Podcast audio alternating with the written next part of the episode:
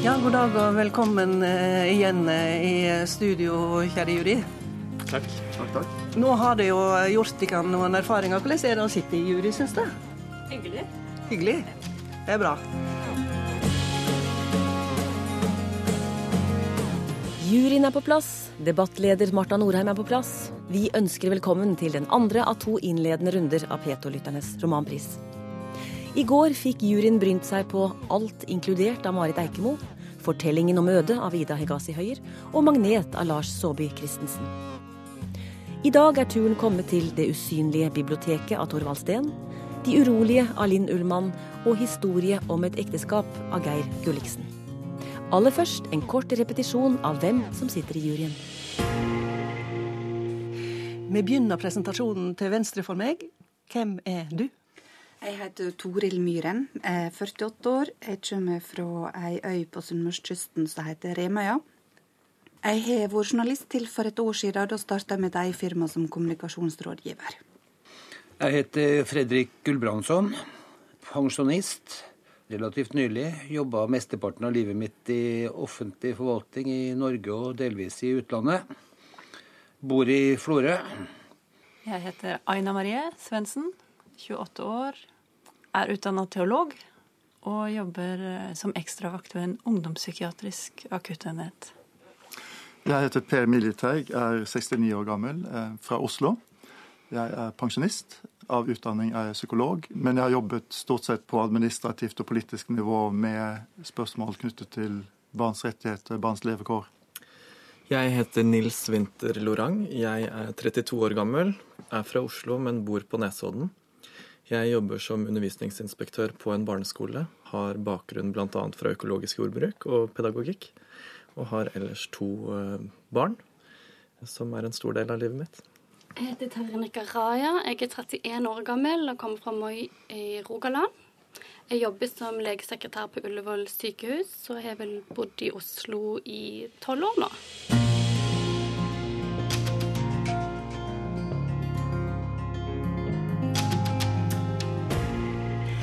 Vi eh, starter med historie om et ekteskap. Timmy og Jon er lykkelige. De er gift, har barn de er glad i, jobber de trives i, et liv de trives i. Men så en dag møter Timmy en annen mann. Og det som syntes godt og stabilt, er med ett ikke trygt lenger. Hvordan kan kjærligheten plutselig forsvinne? Jeg må tenke meg hvordan det var for henne den våren. En av de dagene før alt skjedde. Hun var midt i livet. Hun gikk rett inn i alle rom og alle situasjoner. Kroppene rundt henne var en vennlig skog. Hun tok seg lett frem blant alle. Hun kunne snakke med hvem som helst. Hun hadde hatt langt hår, alltid. Men etter at hun ble sammen med meg, klippte hun det kort og farget det mørkere. Hver natt sov hun på siden med en hånd under kinnet på seg selv. Jeg lå bak henne. Vi sov nakne. Jeg hadde armene rundt henne. Hun kjente den varme forsiden min mot ryggen. Om nettene var det bare oss to. Om morgenen våknet vi på hver vår side av sengen. Hun ble vekket av meg eller av ungene. Rommene var lyse, stemmene milde. Lenge finnes det ikke noen annen måte å huske dette på. Som en uventet og ufortjent lykke. Ja, det var ifra historie om et ekteskap. Hvordan eh, vil det karakterisere denne romanen kort? Det er en eh, fortelling der man kommer uvanlig tett inn på et ektepars intime liv. Det er en intim roman som tematiserer moderne forhold og kjønnsroller. Det var beskrivende at det heter 'Historie om et ekteskap' og ikke 'Historie om kjærlighet'. Og jeg tenker at eh, først og fremst så er det historie om veien til oppløsning av et ekteskap. Jeg syns det er en sår og kjærlig sånn selvransakelse. For å være litt brutal så syns jeg dette er en veldig lite interessant bok og med et svært konstruert plott. Hvorfor er plottet konstruert? Jeg mener Skilsmisser er jo en eh, Nei, men dette med at han eh, tenker hennes replikker på en måte, altså at han tar forteller hennes eh, følelser i situasjoner hvor han ikke har vært til stede. Jeg klarer ikke helt å interessere meg for dette. Det blir så veldig dvelende om kjærlighet og hvordan kjærlighet vokser og faller uten at det virker interessant meg. Det er mulig jeg er kanskje ikke i målgruppen. Jeg er ikke 40 år og ikke, ikke heterofil mann, sånn at eh, Nei, jeg likte den ikke. Jeg skal kanskje gå tilbake til det du sa om fortellermåten. For dette, ja. dette er jo rett og slett en uh, mann som forteller historier om et ekteskap og et uh, samlivsbrudd sett ifra hennes synsvinkel. Syns du det det fungerer, eller er det noe de glemmer etter hvert? Jeg syns det fungerer godt. Han ser seg selv. Han eh, prøver å se henne. Hva var det som førte til dette? Og noe av det han snakker om, er jo alle disse frøene som ligger, og som har ligget der hele tiden. Man vet ikke når de springer ut. I dette lå det jo hele tiden oppbruddet som en mulighet, og det vet vi også skal komme. Så jeg syns han bygger denne romanen opp til det bruddet på en gripende måte. Ja, og det er veldig tydelig at det er han som forteller gjennom hennes blikk. Så vi som lesere blir jo ikke lurt til å tro at det er hennes tanker. Vi skjønner jo hele tida at det er sånn han tolker det, det er sånn han ser det. Det jeg tenker, det er dette at han driver og, og lurer seg sjøl. Prøver å forklare seg sjøl på en måte som ikke er reell. På en måte så presser han fram det han er redd for. Altså Nå snakker vi om Jon, som er denne mannen ja, i historien. Ja, det er Jon eh, jeg snakker med. Altså, han eh, beskriver vel et som eh, moderne, tolerant samliv. Og han er så tolerant at, at han presser kona si til handlinger hun egentlig ville ha satt grenser for sjøl. Nå er det mange fingre i været her. Jeg tror, tror du var først, Toril? For meg så er det at han går inn i hennes tankeverden og prøver å forklare via henne, en del av det som han ellers også virker å være nesten sjølutslettende, eh, og tar på seg veldig den rolla som den som skal tjene mindre, være hjemme, passe unger, legge til rette. Også da i det å bruke hennes tanker for å forklare for seg sjøl ved å fortelle fra hennes synsvinkel, men å ikke kunne rømme fra at det er han som forteller, så blir det også et, en sånn undersøkelse av det oss som ikke er lenger. Som for meg gjør at det fungerer veldig bra. da. Altså Han eh, mer og mindre oppfordrer henne til å ha et utenomekteskapelig forhold? Ja, Han er jo så redd for å bli konform. Eller at ikke kjærligheten deres skal være noe spesielt. At de bare skal være sånn vanlige. Så derfor vil han at det skal være åpent. Og så er det en referanse til Shakespeare, hvor han, eh, når, har, hvor han er blitt likevel så redd, da, og ringte henne på jobben gråtende, og så gir hun han et løfte om at 'nei, jeg skal ikke se på andre', eller noe sånt. Så sier han men det er den redselen som kan ødelegge alt for oss. ikke sant? Det er som hos Shakespeare. Det er de desperate forsøkene på å unngå en ulykke som fører til ulykken. Og så tenkte jeg Han prøver å unngå det konforme, men så vet han ikke at ulykken på en måte egen, ikke tar sin egen redsel på alvor for å miste henne. For den blir som en sånn ødeleggende mellom dem. da. Han binder henne fast. Mm. Det er et overmot i dette her å ikke skulle være som alle andre. At uh, jeg er så unik, og i det så undervurderer han sitt ønske og behov for å være unik for kona si. Denne boka måtte jeg lese to ganger for å prøve å få tak i den, for jeg klarte ikke det første gangen. Men ble, det, det, er ting i den som er interessant. Og da jeg leste den som om jeg leste historie om et åpent forhold, begynte den å bli litt interessant. Han tester jo ut dette med at et forhold skal være åpent, kjærligheten skal være så sterk at den tåler at man er sammen med andre. Han har referanse til Simone de Beauvoir og Jean-Paul Sartre. Mm. Da syns jeg historien ble litt interessant, når jeg leste det med blikket på det. Jeg tenkte også det at det er jo han som blir kona vår, for å bruke hennes begrep. Ja. Mens hun faktisk er et helt vanlig, oppegående, høyt utdanna menneske som jobber i departementet eller departementene. Hun passer da med sjablongrolle vi kunne ha lagt på en mann. Mens han tar på seg det som vi kan bruke som en sjablongrolle om hjemmeværende kone. Også på tross av det så blir ikke ungene trukket inn annet enn som kulisser. Det syns jeg er helt snålt. Ja, det er ett kapittel hvor han trekker inn fra sønnens perspektiv eh, og viser hvordan sønnen opplever dette bruddet, som eh, jo selvfølgelig er veldig vanskelig.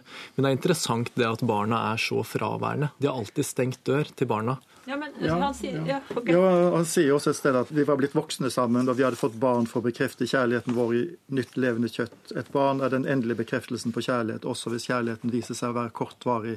Også hvis kjærligheten viser seg å være midlertidig fysisk tiltrekning osv. Nei, for det sier han litt seinere. Så sa han hvis kjærligheten tok slutt, ville det få tilbakevirkende kraft.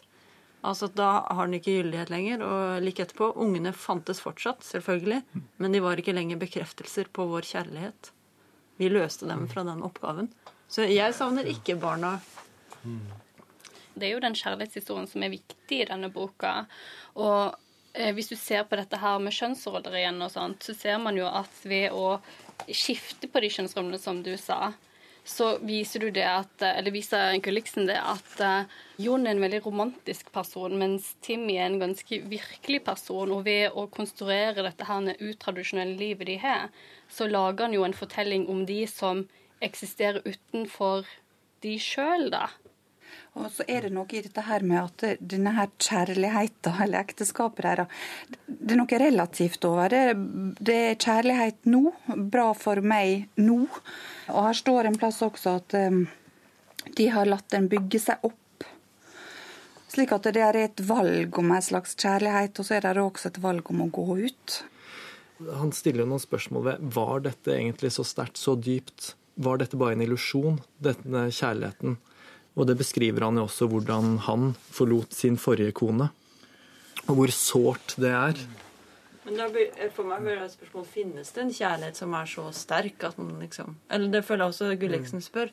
Hva er den ideen om kjærligheten som på en måte skal dra gjennom alt? Og også de vonde følelsene som er så sterke når, i det bruddet. Er det en refleksjon helt på slutten, tror jeg, om at Skal vi se. Likevel kommer de før eller siden til å forta seg, miste sin gyldighet og sakte slippe taket. Det er jo siste setningen. Så akkurat som de liksom den voldsomme kjærligheten har gjort det, så vil også den voldsomme tragedien gjøre det nesten. Det er sånn brutalt En snakker veldig om kjærlighet som en følelse i dette her, og ikke om arbeid og valg. Og etter hvert så hun går stadig lenger vekk, så gjør hun det bokstavelig også, men hun går lenger, stadig lenger ut i marka på ski. Det blir hele tida tatt valg som gjør at ekteskapet rakner mer og mer, eventuelt kjærligheten minker mer og mer. Og utforske litt kjærlighet. Er det følelser, eller er det fornuft? Er det arbeid, eller skal han være sveva av gårde? Jeg husker én ting fra når jeg sjøl gifta meg. Det var noe som sto på et kort som ei tante har skrevet. At du skal ikke finne den rette, du skal være den rette. Og det snur ting veldig opp ned, og det er, henger ikke i hop med det denne boka snakker om likevel. At vi skal bare glatt glide inn i en sånn lykkeboble fordi det er kjærlighet.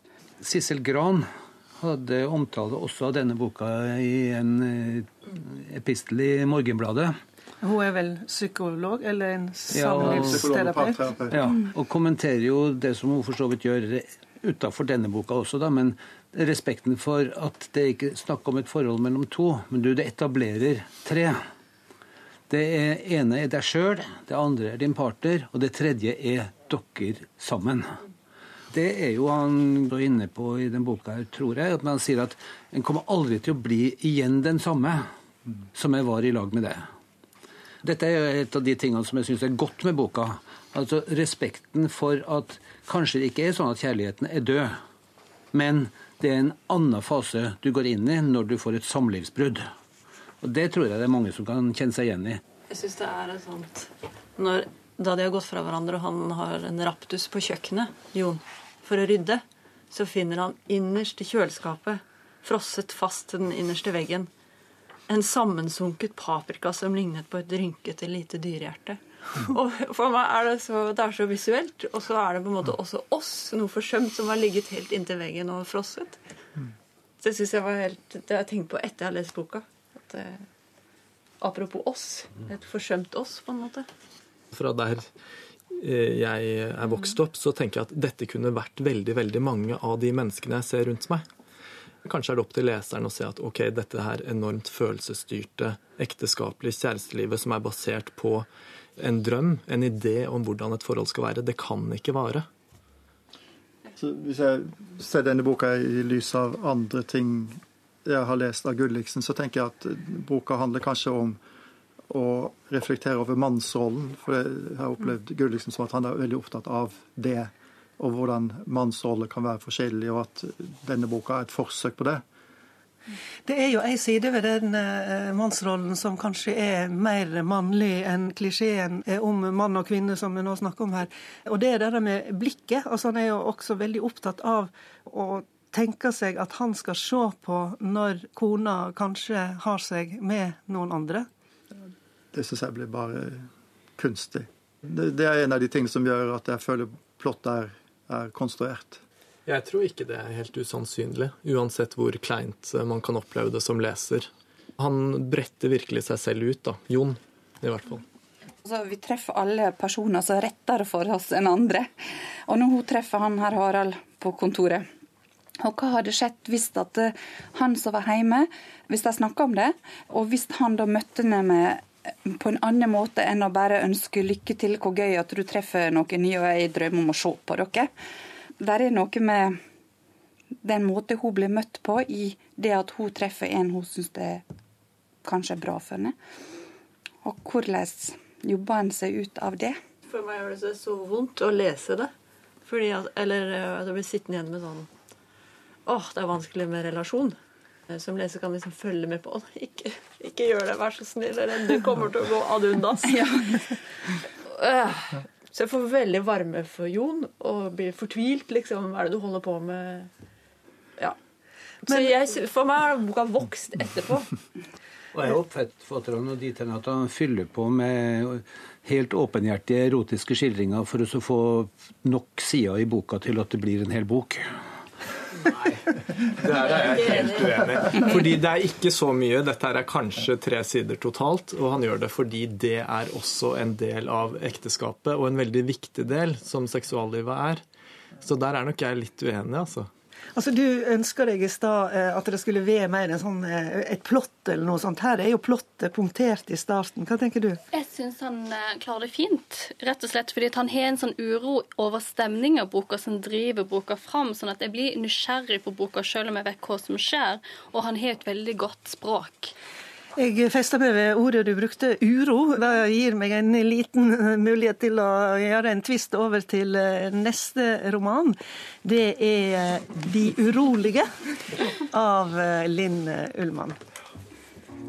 En kvinne midt i livet sorterer minner fra barndom og oppvekst.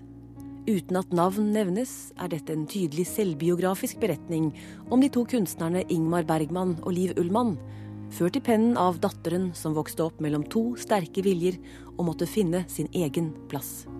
Jeg elsket moren og faren min uten forbehold. Jeg tok dem for gitt, slik man en stund tar årstidene for gitt, eller døgnet, eller timene. Den ene var natt, og den andre var dag. Den ene tok slutt der den andre begynte. Jeg var hennes barn og hans barn.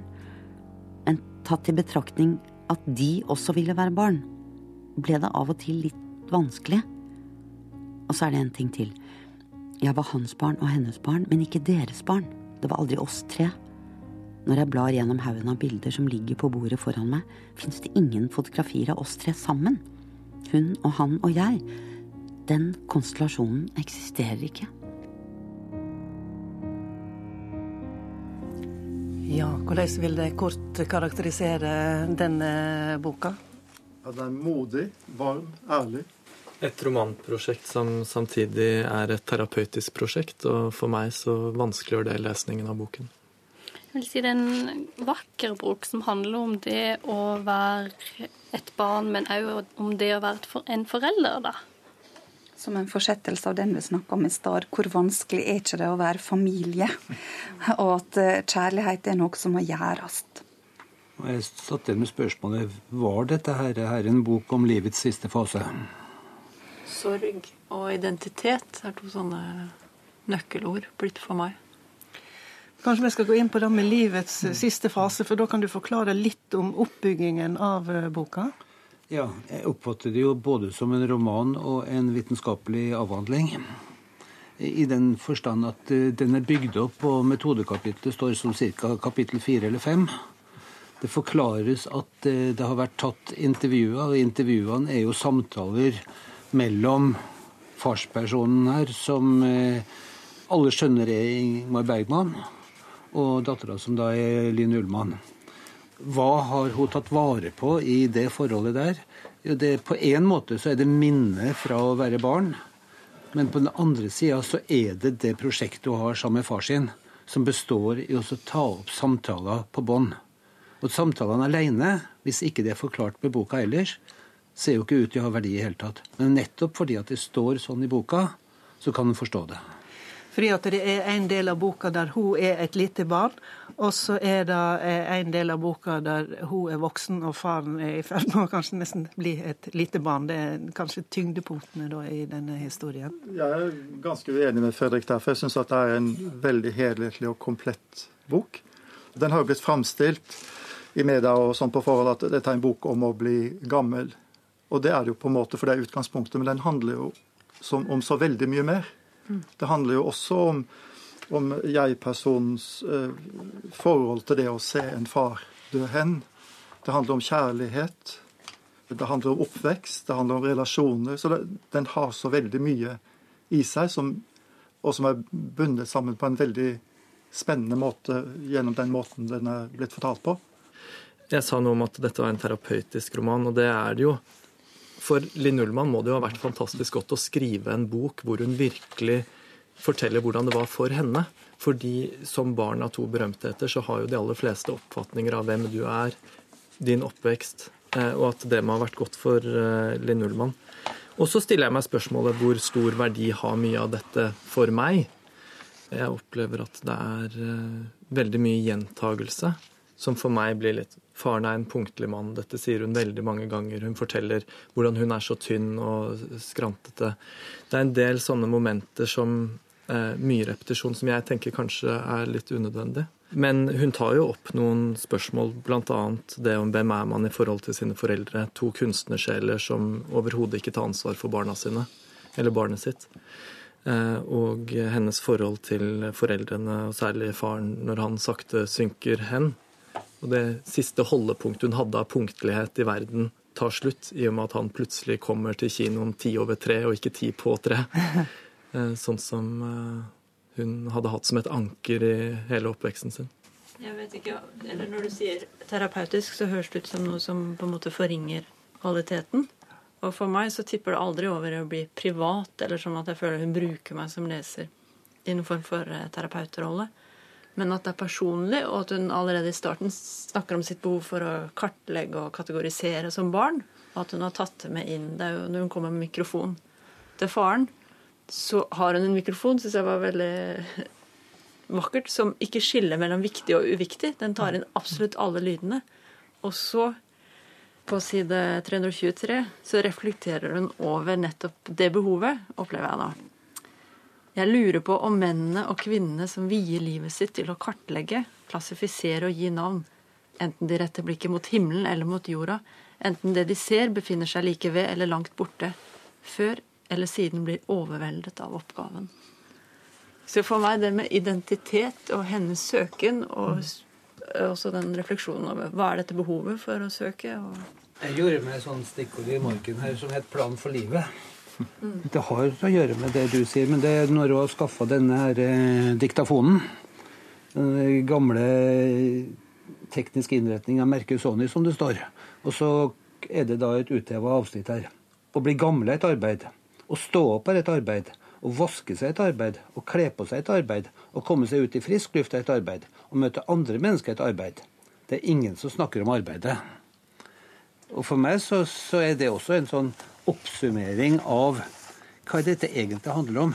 Hvis vi tar den der debatten vi hadde om, eh, om Gulliksen se, Dette er et holistisk eller helhetlig perspektiv som vi ikke fikk med i stad.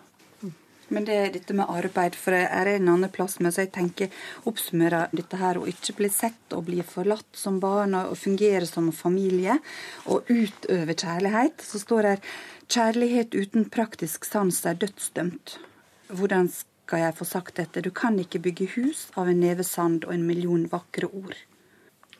Og det er jo det han forsøker helt til han blir sammen med hun Ingrid, som er den eneste av disse kvinnene til Ingmar Bergman som har praktisk sans, i hvert fall slik det fremkommer i boken, og da først blir det eh, sterkt på et vis. Selv om Ingmar Bergman han steller jo selv ikke Ingrid når hun blir syk, og hun må flytte fra Fårö, selv om det ikke kommer frem her i boken. da.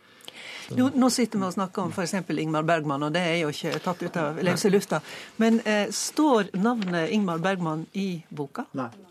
Men, men det, er jo, det, er jo, så veldig opplagt at, at det er det. For at, altså, det har jo Linn Ullmann sagt selv i, i, intervjuer og i presentasjoner av boka. Og for så vidt så, så gir hun så mange konkrete, objektive fakta at det er umulig å ikke tenke på at det er dem. Men, men, men da får jeg lyst til å si noe som jeg syns kanskje er det jeg er mest opptatt av med boka.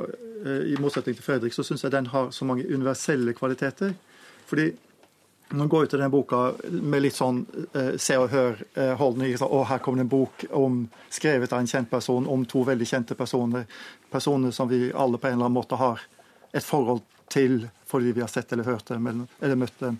Eh, og, så, og, nå får vi mer om det. ikke sant? Og det, den, den, følelsen fortar seg veldig fort. Du klarer å ta opp sin personlige historie til å handle om noe mer, da. Mm. Det handler litt om dette her med relasjoner og oppdragelse må man òg gå inn på, fordi det er jo ganske tydelig at i deres relasjon så kan man få følelsen av mora hennes og faren hennes er barna, mens hun sjøl må klare seg sjøl.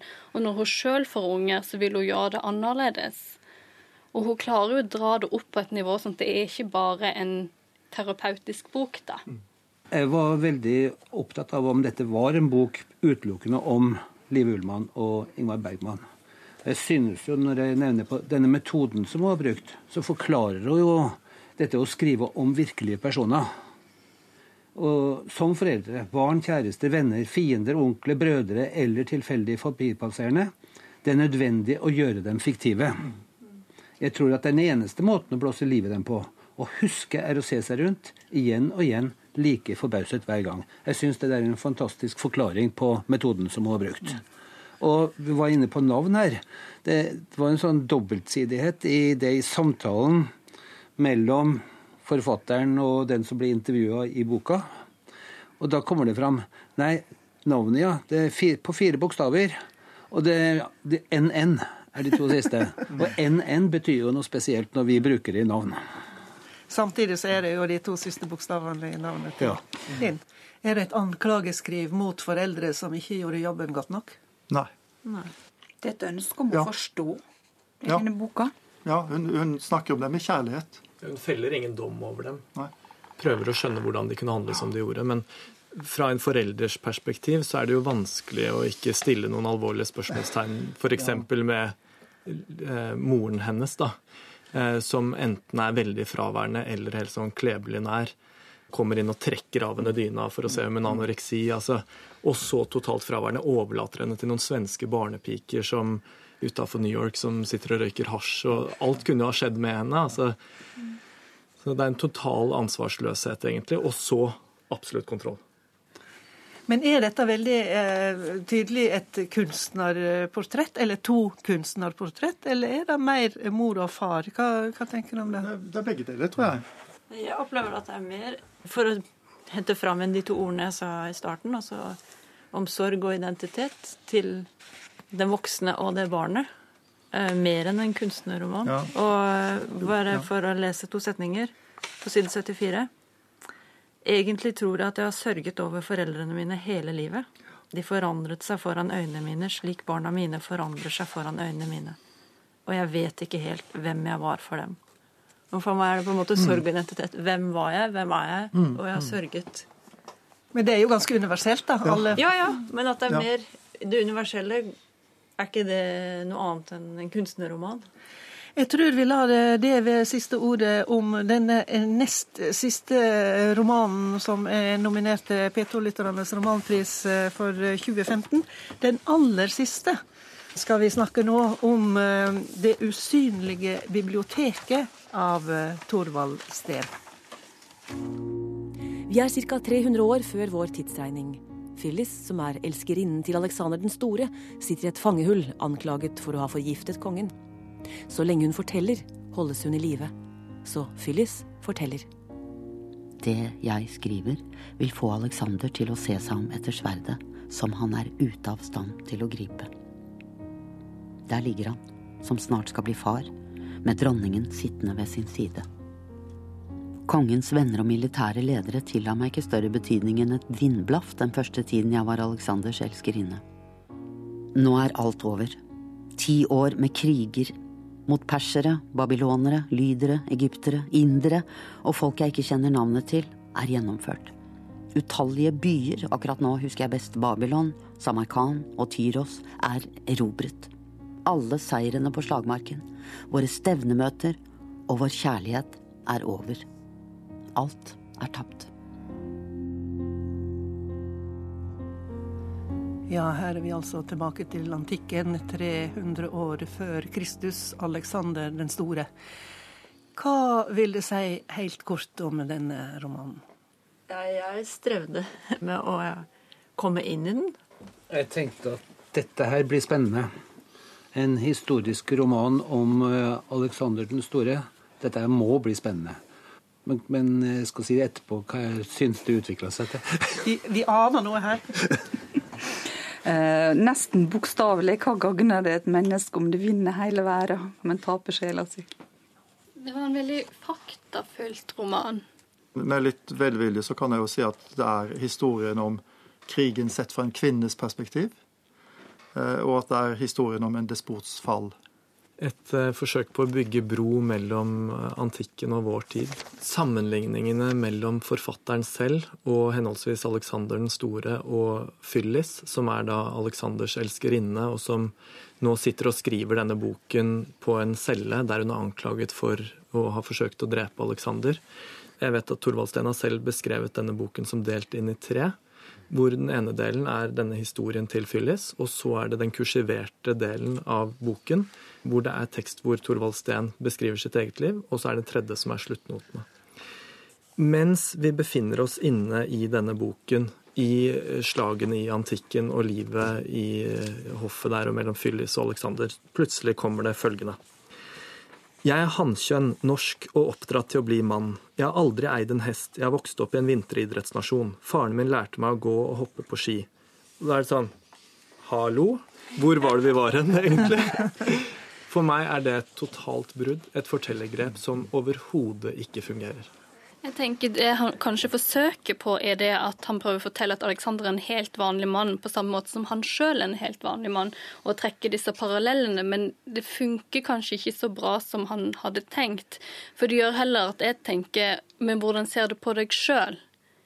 Sammenligner du deg sjøl med Alexander den store? Jeg syns det er for lite av Thorvaldsten til at jeg på en måte skal Og jeg har heller ikke lest noe om han før, så da tenkte jeg Oi, er han syk? tenkte jeg. Og så ble alt så ble det på en måte det forstyrrende. For de er veldig korte, de mm. kursiverte stykkene. Og det er ikke klart at han alltid snakker om seg selv. Noen ganger så går han inn i en sånn foreleserrolle, føler jeg. Sånn at det er utydelig hva slags stemme det også er. Vi kan jo komme med en sånn realopplysning her, da, at uh, Torvald Steen har en muskelsykdom ja. som gjør at han, uh, han, ikke kan bevege seg uh, så veldig godt. Og det blir jo òg en parallell for så vidt da, til Alexander den store, som etter det, sitt store svev blir liggende lamma på slutten før han dør. Det er vel ingen spoiler å si at Alexander Nei, den store Nå var du veldig snill. Jeg starta med å si at dette her skal bli spennende. Og Det var fordi at jeg trodde jeg skulle få en historisk roman som eh, for så vidt satte de her siste dagene, ukene, månedene av eh, Alexander den stores liv. Altså når de hadde bosatt seg og, og besatt Babylon. Hva skjer der som forklarer hvordan det store gresk-makedonske riket faller sammen? Det er en fascinerende historie i seg sjøl, dette som går mellom to mennesker. Og det er jo nesten noe som går igjen i alle bøkene. Men som historisk roman, altså bortsett fra alle kildehenvisningene og sånt nå, det er spennende å se at Aristoteles eh, blir tatt på senga. Men det er det andre som har skrevet om også. Det er en litt problematisering av hva mente Aristoteles og hva han mente Platon i forhold til kvinners plass i samfunnet. Det er mye som forklarer hvordan du må være med når først krigstilstanden er til stede. Men det, det detter sammen i denne fyllerøra som ender opp eh, på den måten som det gjør. Hva tror du er grunnen til at uh, Torvald Steen ikke har villet lage den romanen som du har hatt lyst til å lese? Det kan godt hende at han eh, er så faktaoppdatert at han ikke har funnet grunnlag for det. Altså Han ville lage en roman om hva som skjedde i Babylon mellom disse to personene. Men hvorfor da ha så mye andre henvisninger? Men Opplever du at han er faktaorientert? For han skriver jo nettopp om det usynlige biblioteket. Altså det som står, ikke står. Ja, er sånn at er jo, Han er jo gått på en måte inn i hulrommene og skapt noe fiksjon. Men det gjør nok ta denne boka vanskelig, syns jeg. At hun er så uryddig. Altså Hun er dokumentarisk i sin stil og stemning, syns jeg ofte. Samtidig så er det tydeligvis veldig mye så oppdikta. litt sånn, jeg føler at jeg blir litt lurt til å tro at det som står her, er sant. Dette er jo for så vidt en av flere bøker der det er et faktagrunnlag, og så er det en forfatter som har dikta videre. Formen er jo at hun eh, Fyller sitter og skriver. Men så kan jeg være usikker på sitter hun fortsatt og skriver, og for hvem og hvordan skriver hun. Og på slutten så beskriver hun at hun blir steina, og da tenkte jeg men har hun skrevet brev, eller er det skriver hun fra et annet sted? Så jeg føler på en måte hele formen også ja, men de steiner vel ikke, ikke henne til døde? gjør de det? De sier nå er det blitt mørkt. de første steinene traff armene, hoftene, beina. En traff halsen. De siktet på hodet, men bommet. Jo, men de slutta. De gikk tilbake fordi det var mørkt, så derfor skulle du liksom bli steina dagen etterpå. Ok, Det kobla ikke jeg. men jeg tenker ved å skrive en helt sånn historisk roman som du beskriver, så får han jo ikke utøvd kunstverket i romanen. da. Så han vil sikkert trekke det på et annet nivå og få oss til å se en større historie. Og det er litt det jeg tenker med at han prøver å beskrive Alexander som en vanlig mann. Men det som jeg syns er problematisk med boka, er denne karakteren Phyllis. da. Fordi at hun blir liksom ikke en ordentlig karakter. Hun blir heller den personen som skal presentere Alexander. Så hun får ikke liv i kraft av seg sjøl. Så blir han sin usynlige bibliotek. Og samtidig som hun har litt sånn rare ting, som at hun er veldig sånn rasistisk og sånt. Og det var sikkert sånn grekerne og makedonerne var på den tida, men rasisme er jo ikke endimensjonalt det er jo gjerne litt sånn årsakssammenhenger og sånt som han ikke går inn på. Det er jo litt spesielt akkurat det også, for vi er jo på mange måter lært opp til han at Aristoteles var en stor tenker. Men i romanen her så går det jo fram at det er Alexander som er den inkluderende. Det er han som vil gi respekt for fremmede kulturer. Det er han som vil involvere de for å skape dette her riket, mens Aristoteles er helt imot. Og det er en problemstilling i boka som jeg veldig gjerne skulle også veldig mye mer om. For den har så klare paralleller til, til, det samme geografiske området egentlig i dag, at det er for så vidt ikke noe stort problem å innta nytt land, areal. Men hva gjør vi da? Det er da kampen begynte. Og det viser nå altså Alexander den store, men var en stor hærfører, krigfører når det gjelder areal, men han greide ikke å krige mot sine egne soldater i dette her med hvordan en skal se på kulturene dit en kommer. Og det å jobbe med holdningene og kulturer og religion, hvor mye vanskeligere det er enn å ta nytt land. Så er det jo noen interessante ansatser til dette å beskrive hva krigen egentlig er. Altså dette med at det er jo ikke bare soldatene og hærførende, det er liksom alle kokkene og alle horene og alle barna, og så hele det menasjeriet som følger etter soldatene, som jo veldig sjelden blir beskrevet.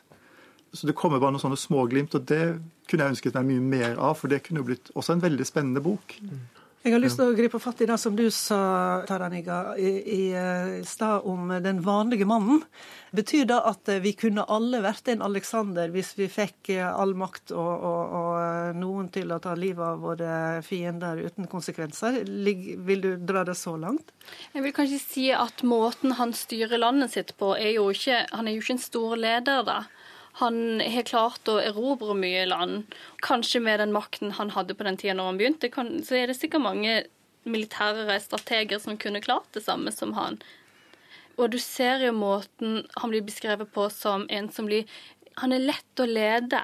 Han følger astrologi, han tar inn over alle skikkene til de stedene han kommer, så han er liksom på en måte ikke en sånn samlende faktor, da. Så jo, jeg oppfatter det nok som at Sten har det som et prosjekt òg, det at eh, en vanlig mann kunne sittet på tronen som Aleksander. Jeg oppfatter det helt motsatt. Jeg forstår Aleksander Alexander som en despot, i motsetning til demokratiets vugge. Jeg tror det er helt umulig å tenke seg på det tidspunktet, i den historiske tidsalderen, at en vanlig mann kan gjøre dette. Det er nettopp de ekstreme kvalitetene. Det at han er i stand til å lære seg å bruke våpen. Det at han er i stand til å temme denne hesten hans. Jeg kommer ikke på navnet akkurat nå. Bukofalos. ja. Det, det, er de stykkene. Og det ligner jo på det vi kjenner fra norrøn mytologi. Det ligner på det vi kjenner fra romersk mytologi. Det ligner på det vi kjenner fra alle hærførende ideologier. Det er den som er dyktig i sport og fysisk, som blir leder. Og gjerne blir brukt av de andre. Men det opplever da at uh, Thorvald Sten gjør, å komme med disse avsnittene om seg sjøl, er å vise ok, han var en despot eller en hersker, men han er også som menneske er han også underlagt krefter som er større enn han. Akkurat som Thorvald Steen er det når han kommer med en sykdom som han ikke kan rå over. Eller, mm. Altså Det er det med å beseire og bli beseiret. Makt føler jeg er sånn kjernetematikk. Og hun, også hennes Phyllis sitt behov for hevn over han, altså den maktkampen mm. mellom de. Er dette en roman om makt? Ja, på sett og vis. Er det en roman om eh, vår tid og makt i vår tid? Maktbruk? Det er jo et jagerfly på forsjø. Det, det beit jeg meg fast i. Det er ikke bare Bukufalos. Det er jo Så jeg tenkte sånn Det la jeg ikke merke til engang. Noen linjer må jo være tenkt opp i vår tid. Jeg tenkte faktisk når du begynte å snakke om dette her med det å ta land og forstå skikkene sånn, at det kan jo ses som en kritikk av eh, Vestens krig mot Midtøsten. Men det, var, det tenkte faktisk ikke mens jeg leste boka, det tenkte jeg etter du sa det. Jeg opplevde jo Alexander som sin strategi på det punktet der som egentlig vidsynt. Og det er jo en referanse til Platon i den sammenhengen der for å si at dette faktisk er en god tanke, det å inkludere, involvere, istedenfor bare å herske. Jo, absolutt. Det er bare det at han blir oppfatta som svak av sine nærmeste. da.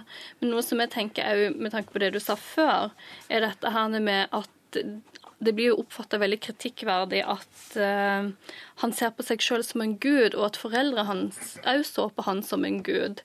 Og at det legger jo egentlig føringer i hvordan du blir som person. Det er kanskje du som klarer å temme den hesten fordi at du tror at du kan temme den hesten fordi at du er Gud. Han hadde jo mye han måtte bevise overfor faren sin også, da, og et problematisk forhold til sin far. Som kanskje også er med på å føre han i despotisk retning. Men eh, fortellerstemmen her, for meg er ikke den troverdig. Det er en veldig sånn monoton fortellerstemme i brevs form. Den maler og maler. Den klarer ikke bygge opp til de virkelige høydepunktene. Eh, også med disse kursiverte innslagene sine så setter han på en måte seg selv mellom leseren og leseropplevelsen. Fordi når man leser en roman, så ønsker man jo å leve seg virkelig inn i dette og fordype seg i det. Plutselig kommer det et brudd hvor han stiller seg mellom deg og din opplevelse av boken. Ser du en grunn til at den kan gjøre det, eller? Ja, altså det er jo dette som eh, Taranika sier i sted også, at eh, denne med menneskeliggjøringen og trekke parallellene mellom Alexander og eh, Thorvald Steen selv. Men for meg så legges det da noen premisser som jeg må akseptere for å like denne boka, og de godtar jeg ikke, rett og slett det er en historie, og den er ganske tynn. og Vi snakker jo kanskje om en bok som er mer et synopsis eller en disposisjon. For vi kommer jo hele tiden inn på her er det noe som er interessant og kunne vært mer om det. Og så, om ikke det er nok, så kommer Torvald Steen og stiller seg mellom oss og de, de, det lille vi får, da. Vi snakker om eh, at det er en parallell med han Alexander Sjølamma og, eh, og, og Torvald Steen. Men er det noen som ser noe i det at hun må skrive for å leve. Så lenge hun skriver, så holder hun seg levende. Og i det at han har en kropp som hun ikke vil samarbeide lenger, og hva på en måte gjør hans liv verdt å leve. Jeg tok ikke den koblingen, men tok koblinga over dette her med Alexander og hans verdighet og fullskapen og konsekvensen av det, sammen med hans egen sykdom. Ja, det var den sørgelige historien om Aleksander Alexander eh, den store, som altså døde i år 323 eh, før Kristus. Og vi vet jo ikke egentlig akkurat hvordan han døde, selv om Torvald Steen har sin variant av det her i denne romanen. Og dermed, kjære jury, har vi gått igjennom alle de seks bøkene. Tre bøker i går, tre bøker i dag. Og om ikke veldig lenge så må vi gå til verket og prøve å uh, velge ut de tre beste bøkene av de seks som vi har snakka om nå. Aller først en liten pause. En kort pustepause før dagens avstemning. Hvilke tre bøker må ut? Kollega Arild Jonsjord lurer på om jurymedlemmene nå har bestemt seg? Uh, ja eh, På noen er jeg blitt sikrere, og på noen er jeg blitt mer usikker. Så jeg er fortsatt 4-2, da. Det er to jeg tenker de er greit at ikke blir med videre. Men uh, de fire siste kniver om plassene. Ja, Fredrik. Nå nærmer det seg at man skal stemme ut tre bøker av de seks. Har du klart for deg hvilke tre du syns det er greit å si adjø til nå? Det skal ikke være vanskelig å si adjø til tre. Jeg håper jo at vi, det blir det riktige tre, da. Syns det du lover veldig bra. Er du nå redd for at din favoritt skal ryke ut? Det kan skje. Jeg hadde egentlig trodd at eh, flere skulle synes like godt om den boka som meg det er vanskelig å si at jeg er helt upåvirket av hva de andre kommer til å stemme. Eh, og jeg har jo fått en følelse av hva de andre liker, og hva de ikke liker. Jeg tror at eh, fordi her skal det stå en, en vinner som jeg kan stå inne for, så må jeg bare stemme med hjertet. Og så får de andre gjøre som de vil. Det nærmer seg, det nærmer seg. Vi følger med inn igjen i studio til Marta Norheim. Ja, kjære jury. I løpet av ikke altfor lang tid, dvs. Si i løpet av eh, resten av dette programmet, så skal bunken på seks romaner ned til tre. Og hva må da ut? Er det antikk historie om kjærlighet og makt, fortalt av den ene parten, som i Det usynlige biblioteket? Er det ei samtidskjærlighetshistorie fortalt av den ene parten, med den andres synsvinkel, forsøksvis, i historie om et ekteskap? Skal de satse på den single dama i finn.no-romanen, alt inkludert? Eller den stadig mindre enebuende enebueren på ei aude øy i Stillehavet? I fortellingen om øde. Eller hva med kjærleik og kunstnerliv i USA, i Magnet? Eller historia om en barndom som både var spesiell og svært gjenkjennelig i romanen De urolige. Det er altså mye å velge i her. Og det har jo snakka fint om uh, de aller fleste romanene, alle. Litt uh, varierende har det òg. Hva blir det viktigste nå? Er det den romanen som rørstrikka den, eller den som gav ettertanke, eller hva er det det går etter nå? Det, det beste er jo at man blir både rørt og får ettertanke. Jeg tenker Språket er ganske mye å si, men for min del så er ettertanke òg veldig viktig. For hvis en bok lever videre i hodet mitt lenge etter jeg har lest den, så betyr det at det er en bok som holder, da. Jeg er enig i dette med språk er viktig. Man må jo selvfølgelig berøres. Man må på en eller annen måte kjenne seg igjen i det. Og jeg tenker et viktig kriterium for meg, i hvert fall når jeg leser en bok, er om denne er med å utvide min forståelseshorisont. Gjør den meg til et klokere og bedre menneske. Oi! Mm. Det, det var eh, en stor måte å si det på, men eh, jeg tror jo jeg følger det veldig langt. Det at det er skrevet såpass eh, godt og levende at du klarer å følge med sjøl, det er helt vesentlig. At en kanskje lærer noe om seg sjøl når en eh, leser det, det tror jeg også er helt vesentlig. Jeg har jo opplevd at et par av disse bøkene har rista meg. Jeg ble sittende og tenke på ettertanke. Kanskje det finnes noe som heter etterfølelse også? Det er noe, her er ikke noe fasit for hva som er bra, egentlig. Men uh, det språklige må være på plass, og det fortellertekniske må være på plass. Og så uh, ønsker jeg å bli berørt når jeg leser, og så kjenner jeg på at jeg har gått et steg videre på en eller annen måte. Utvida horisonten. Ja, Det var en slags uh, runde rundt grauten. Mm. Taranika, hvem må ut? Er magnet den som må ut? For min del, ja. Den ble litt for rotete det var litt for mange nord som jeg ikke var så interessert i å lese, rett og slett. Absolutt ikke. Jeg vil ha med magnet. Det er så mange bøker i seg sjøl at den kommer jeg til å leve med lenge. Har Ida Høygassi Høyer en sjanse med fortellingen om Øde? Ja. Absolutt. Jeg ser ikke noe behov for å ta med den videre. Jeg tror grunnen til at jeg vil ha den med, er bl.a. karakteren. Altså karakterbeskrivelsene og utviklingene. Og det er utrolig mye bevegelse i karakterene som gjør at det, de fremstår mer som troverdige enn som surrealistiske for meg. Det som taler imot at hun skal med videre, det er at posten ble henta. Det rota til hele historien. Men det fantes visst ei postkasse på Ja, den øya? Ja, men at posten ble henta. Det er så fint, men det er surrealistisk. Ja. Og det er jo god tradisjon for å skrive sånne bøker som har litt surrealistisk i seg, så jeg syns det er bare helt herlig.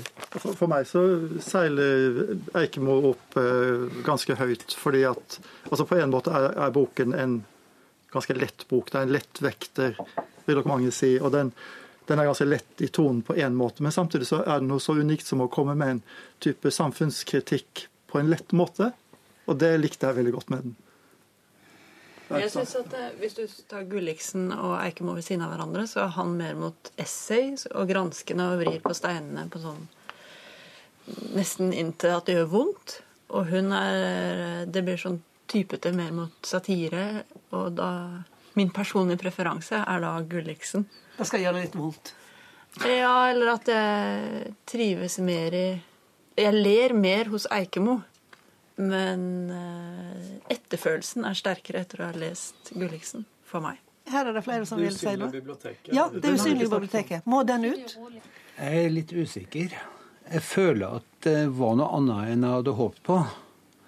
På den annen side så er det en sjanger som er helt på sida av alle de andre. Jeg teller på knappene. Du teller på knappene. Ja, det er ikke så mange knapper å telle på, egentlig. Det er bare, det er bare tre. Det er er så fryktelig. Men eh, Linn Ullmann, da. Historien om eh, en barndom og om eh, foreldre og om aldring og død. Skal den videre? Jeg klarer ikke slippe tak i en fordom i meg selv at dette er et slags sånn narsissistisk jeg-prosjekt som jeg føler jeg har fått litt mye av. Men det, jeg vet det er jeg som sliter med fordommer her. Men allikevel, jeg klarer ikke kvitte meg med det, så da er det bare å Altså, jeg tror vi har alle fordommer, men de kan være ulike. Eh, men jeg tenker jo at boka vokser etter hvert som du leser den. Jeg syns det er veldig oppklarende når hun sjøl prøver å rydde hva er familiehistorie, og hva er budskapet som hun prøver å få fram, altså denne fiksjonen. Her er det eh, mange bøker eh, som får gode ord, og eh, ingen som får bare gode ord. Så nå må vi gå til verket. Og verket det betyr altså i praksis at det nå får et ark hver, som jeg driver og krasler litt med her. Eh, På dette arket så skal det skrive Ja, bare sender rundt, det er det enkleste. da. Eh, På dette arket så skal det skrive tre navn. Er det de tre navnene som skal gå videre? Nei, det er ikke det. Det er de tre navnene som ikke skal gå videre.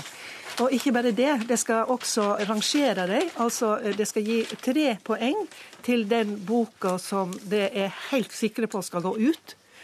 Så eh, er det to poeng til den som de ikke er så sikre på skal gå ut. Og så er det ett poeng til den som det tross alt vil skal gå ut, fordi at det nå en gang må skrive tre stykker på den lappen. Eh, er reglene klare? Noen må ha en penn. Du får den.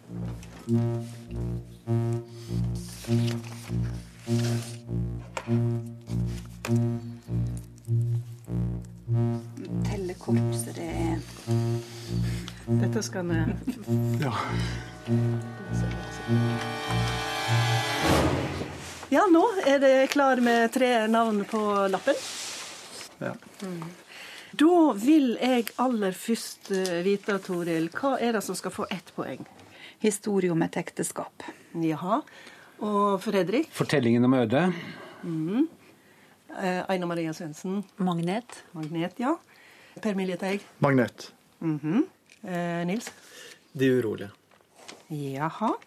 Og eh, Taran Miga? Alt inkludert. Alt inkludert. Da eh, sprer det seg jo fint her, og eh, vi spør da om eh, topoengsboka. Hva er de topoengsbok, eh, Toril? Det usynlige biblioteket. Mhm. Det er alt inkludert. Alt inkludert. Historie om et ekteskap. Mhm. Magnet. Ehm, Det usynlige biblioteket. Ja. Og da vil jeg vite, Toril, hva slags bok er det som får tre poeng av deg? Magnet. Mm -hmm. Og eh, Fredrik? Historie om et ekteskap. Ja. Aina Marie Svendsen? Det usynlige biblioteket. Ja, ja. Det, det usynlige biblioteket. Det usynlige biblioteket. Magnet. Magnet. Mm. Og etter den siste runden, eh, kjære lyttere, så er ståa at uh, Torvald Stens uh, Det usynlige biblioteket, Geir Gulliksens historie om et ekteskap og Lars Saabye Christensens Magnet røyk ut. Da minner jeg om finalen i morgen her på NRK P2 klokken 14.03. Har du ikke fått med deg disse innledende rundene, så let dem opp på NRKs nettradio, eller last dem ned som podkast. En av dine favoritter røyk, Fredrik? Ja, det var min store favoritt, Lars Åge Christensen sin Magnet. Ja, Du klarte ikke å overbevise de andre? Nei, men jeg tror de kom med forutbestemte meninger og var umulig å rocke. Stygg sak. Men det betyr igjen altså at eh, Linn Ullmann, Marit Eikemo og Ida Hegassi Høyer går videre. Ser det noe litt sånn morsomt med den eh, fordelingen? Det bare kvinner. Ja. Det er damene som går videre. Det var mine tre favoritter. Ja. Men da skal vi møtes igjen i morgen for å diskutere hvem av disse tre bøkene som var årets beste roman i fjor. Takk for i dag.